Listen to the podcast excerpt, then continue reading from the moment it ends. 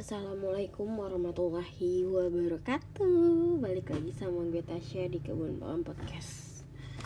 Kali ini tanggal 19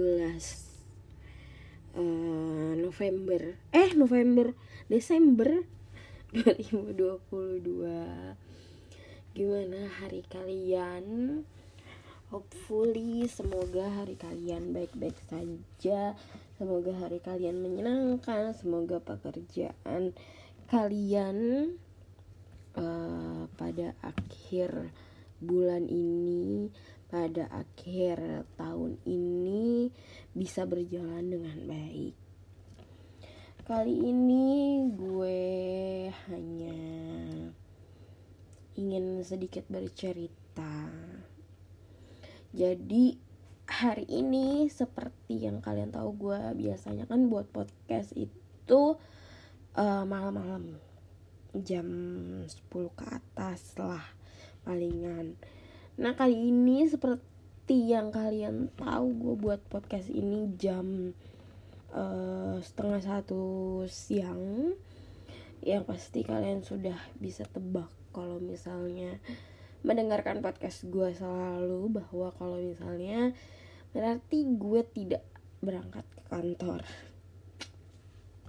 Sebenarnya gue udah bangun uh, pagi guys. Gue udah pasang alarm pagi-pagi. Gue udah siap untuk berangkat pagi cuman gak tau kenapa nyampe detik ini pun gue masih ngerasa badan gue itu kayak capek banget. Masih kayak ngantuk banget bahkan gue juga nggak tahu nih gue kayak pengen tidur lagi gitu rasanya. But ya gue kan harus kerja juga dari rumah. Berarti kalau misalnya gue tidak berangkat ke kantor. Alhasil ya beginilah gue mengisi waktu gue ya kan? Gue nggak bisa diem diem aja karena hmm, banyak hal juga yang harus gue kerjain segala macam uh, harusnya gue ke kantor tapi enggak semoga gue besok bisa ke kantor. Jadi podcast ini buat tabungan gue. Jadi nanti bisa gue upload entah besok hari ini besok atau ya kapan lah ya. Atau mungkin gak juga gak bakalan juga gue upload gitu nah gue pengen cerita bahwa um, kemarin hari minggu gue baru aja nonton film film Korea. Judul judulnya itu Bora. Uh, ini adalah film pertama gue di mana uh, gue telinga gue itu tidak benar-benar digunakan seutuhnya. Bahwa kayak setiap gue nonton sesuatu gitu ya kan gue tuh selalu tertarik dengan uh, back sound back sound yang ada di sebuah film gitu loh.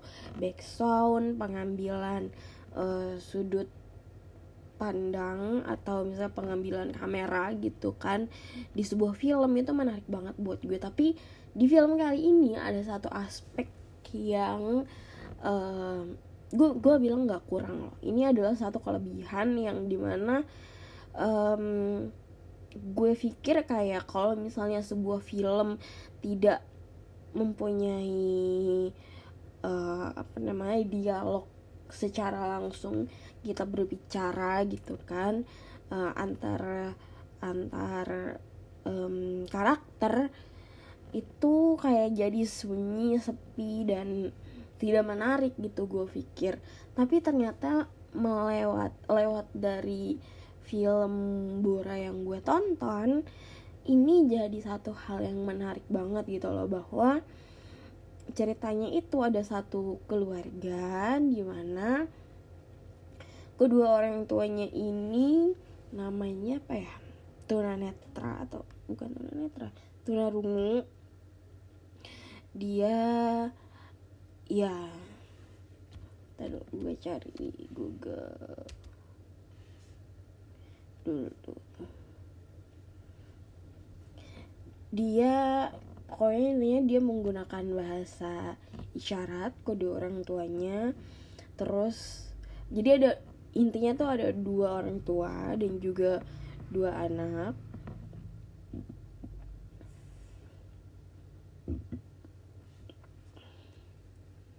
Gimana sih ini? Google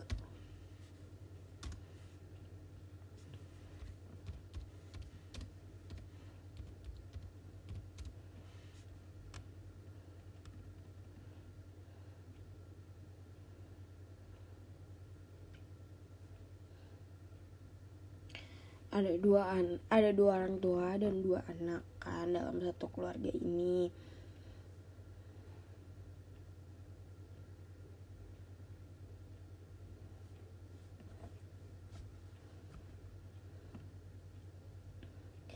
Dan um, mereka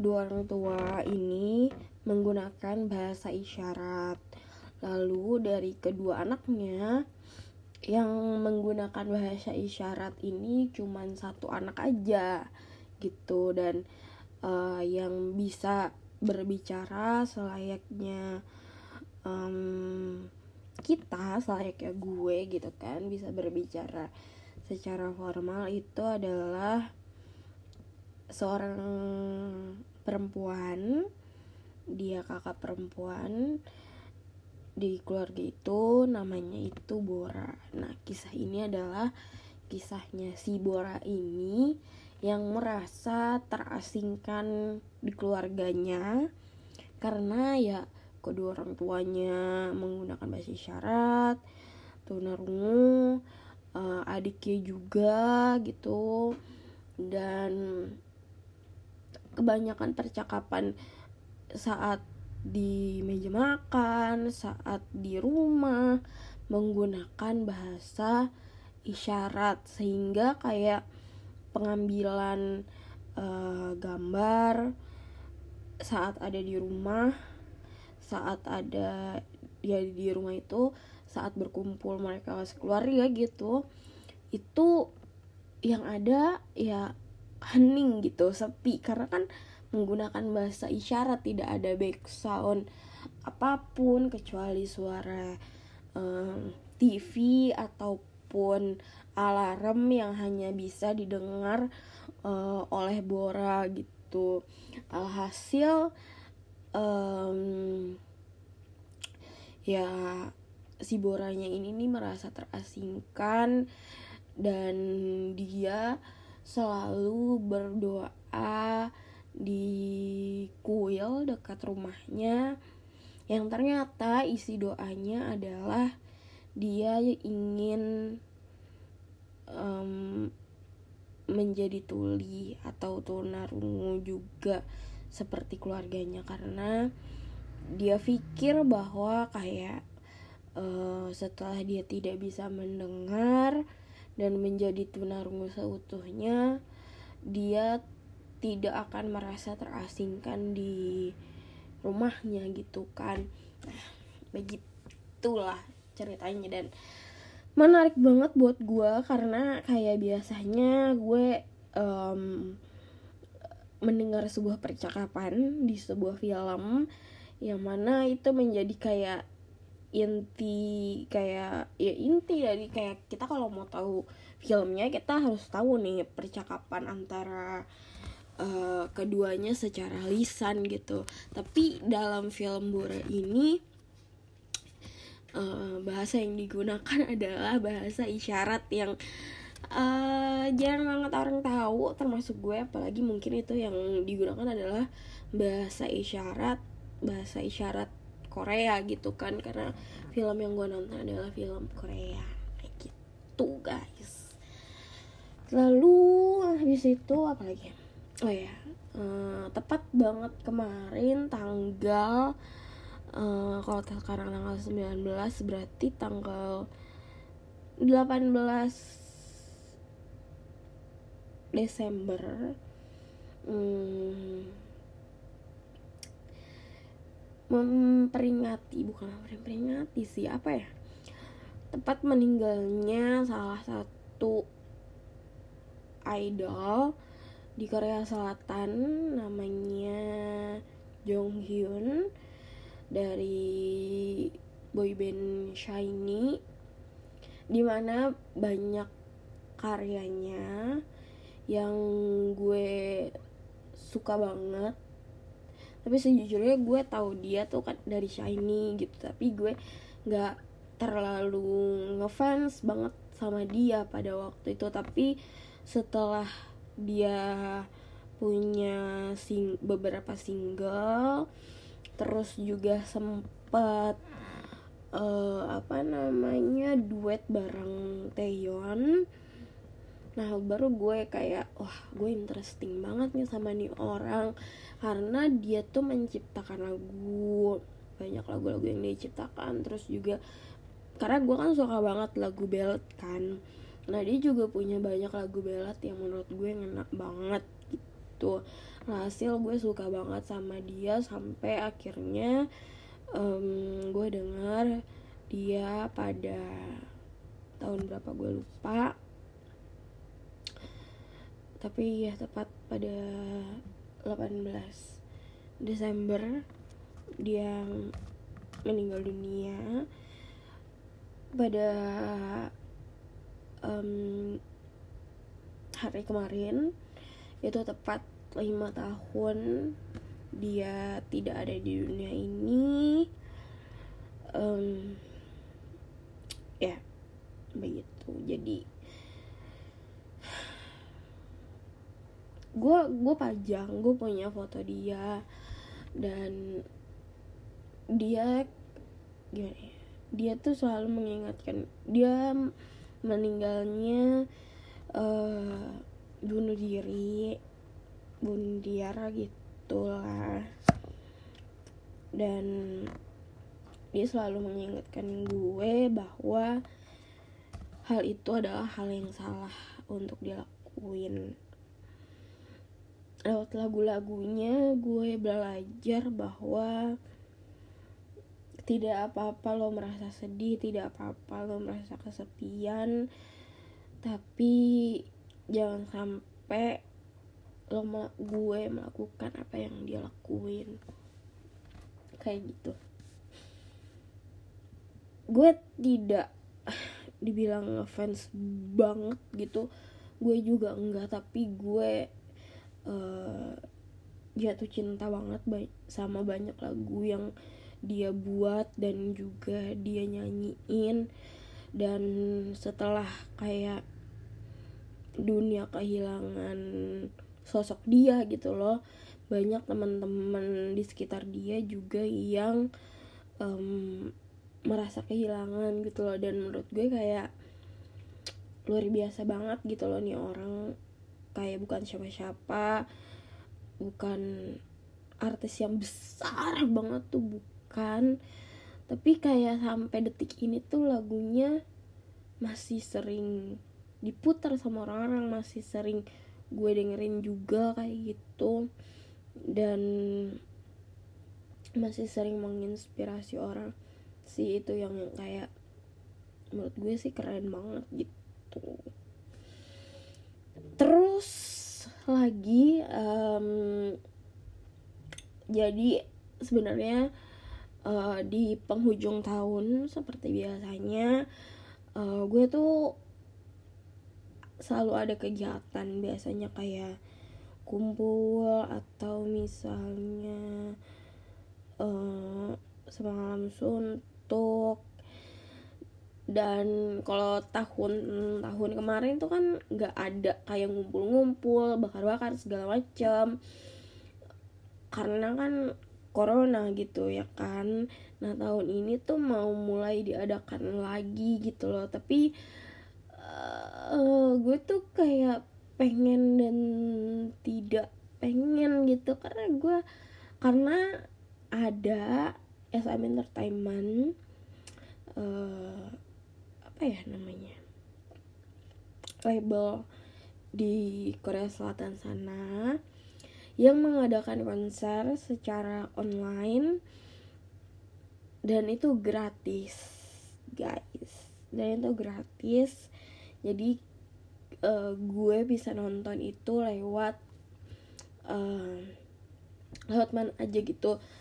Dan salah satunya bisa ditonton lewat YouTube gitu kan. Dan gue pengen banget nonton itu.